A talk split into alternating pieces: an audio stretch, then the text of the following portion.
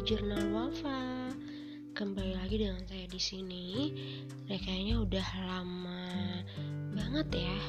Aku nggak ngisi ruang dengar kalian semuanya. Mohon maaf banget karena memang uh, di balik kesibukan aku yang udah mulai menumpuk menumpuk dan semakin menumpuk tiap harinya. Jadi untuk podcast aku agak sedikit ngerasa baru kali ini nih ada waktu luangnya. I'm so sorry.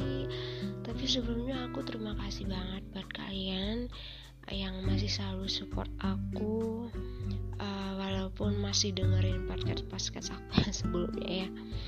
Oke, okay, nah pada malam hari ini aku bakal bahas tentang sesuatu yang berkaitan dengan hati. Waduh, kayaknya kalau bahas hati itu nggak ada habisnya ya.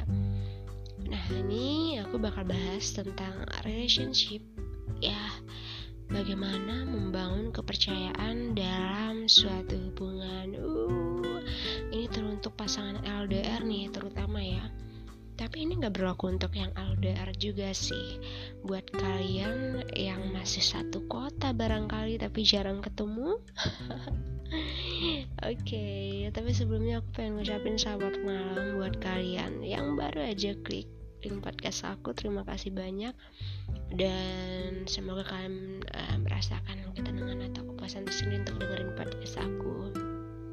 Oke, okay, Uh, jadi pada malam hari ini aku bakal ngebahas tentang bagaimana membangun kepercayaan dalam sebuah hubungan ya. Karena memang lazim banget di uh, sekitar kita bahwasannya kepercayaan itu adalah sebatas apa ya ya aku tahu kamu ngapain kamu tahu aku ngapain gitu. Jadi kayak masih sebatas ruang lingkup yang uh, sebenarnya tidak seperti itu yang seharusnya. Nah, jadi uh, gini ya, kebanyakan itu pasangan takut untuk uh, mengungkapkan bahwa mereka benar-benar cinta. Nah, pada awalnya kepercayaan dibentuk dari hal-hal kecil nih. Nah, setelah uh, mereka bisa melewati itu, maka akan mudah percaya pada pasangan. Jadi kepercayaan itu dimulai dari hal-hal kecil. Nah mungkin kamu uh, berpikir susah ya untuk percaya kepada pasangan. Nah mungkin karena pikiran kamu terlalu insecure, terlalu dipenuhi khayalan-khayalan konyol, atau mungkin kalian uh, takut pasangan uh, kalian tuh akan lebih memilih orang lain dibanding diri kalian gitu. Nah sederhananya ya kamu itu tidak dapat mempercayainya. Ya tapi anehnya kamu masih bertahan dan itu luar biasa. Uh, di situ aku ada tanda tanya besar sih padahal si pasangan udah nggak percaya nggak ada kepercayaan malah gitu. Tapi ya masih pengen nih jalanin hubungan itu ya aku juga ngerti.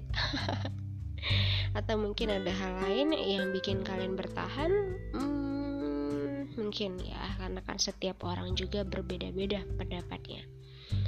Nah jadi uh, jika kamu ingin tahu bagaimana membangun kepercayaan dalam satu hubungan itu adalah belajar untuk jujur dengan pasangan kamu ya.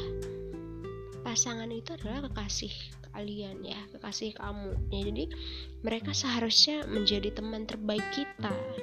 Orang yang mengenal ya orang yang mengenal kita dan memahami kita lebih baik daripada orang lain.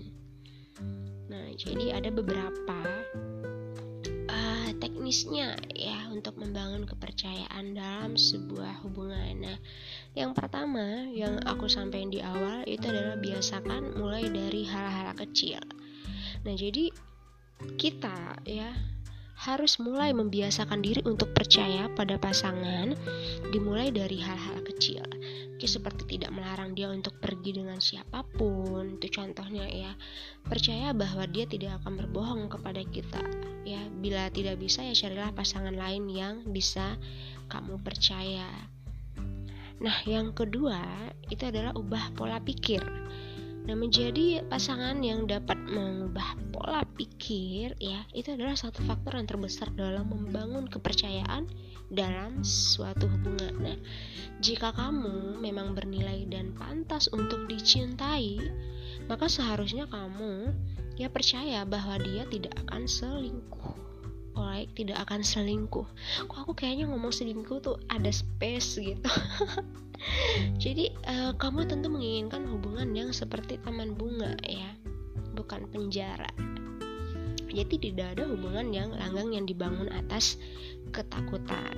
Nah yang ketiga itu adalah bicarakan semua hal dengan jujur. Balik lagi itu adalah kejujuran kuncinya ya jadi uh, agak sedikit canggung dan aneh ya kalau misalkan uh, dibicarakan kepada pasangan kita. Ada hal-hal yang mungkin yang membuat kita kayak ngerasa pantas nggak ya dibicarain uh, atau kayak ya nggak usah deh biar aku sendiri aja yang tahu. Jadi tapi hal-hal itulah yang ini ya yang jadi salah satu faktor terbesar dalam membangun kepercayaan dalam suatu hubungan. Nah salah satu ketidakamanan terbesar dalam suatu hubungan adalah menyukai orang lain secara diam-diam. Waduh siapa tuh yang pernah kayak gitu ya? Pasti ya mungkin sebagian besar dari kita pada saat kita memiliki pasangan kita pernah diam-diam menyukai orang lain. Untuk mengagumi dan uh, menyukai itu berbeda ya. Kalau kita mengagumi itu kita kayak ngerasa takjub nih sama nih orang gitu. Tapi kalau kita menyukai kita kayak ngerasa alay dia adalah tipe aku banget gitu. Nah jadi eh, jika kamu bicara yang sebenarnya nih misalkan mengakui bahwa kamu tertarik dengan orang lain itu adalah tindakan yang benar ya dengan jujur tentang hal itu kamu dapat membangun kepercayaan dalam hubungan dan meningkatkan komunikasi juga. Cuma ya kamu harus bisa tegaskan lagi sama pasangan kamu bahwasannya ya kamu cuma sebatas menyukai tidak lebih. Dan selanjutnya adalah berkomunikasi tentang apa yang kamu rasakan dan kamu alami itu salah satu cara membangun kepercayaan dalam hubungan ya jika berkomunikasi uh, dalam satu hubungan itu kurang maka dapat membuat sebuah hubungan menjadi tidak aman dan selalu curiga. Jadi di situlah bibit-bibit cemburu itu bakal tumbuh. Jadi tinggal menunggu dia berubah dan meretakkan setiap hubungan yang kamu jalani. Yap.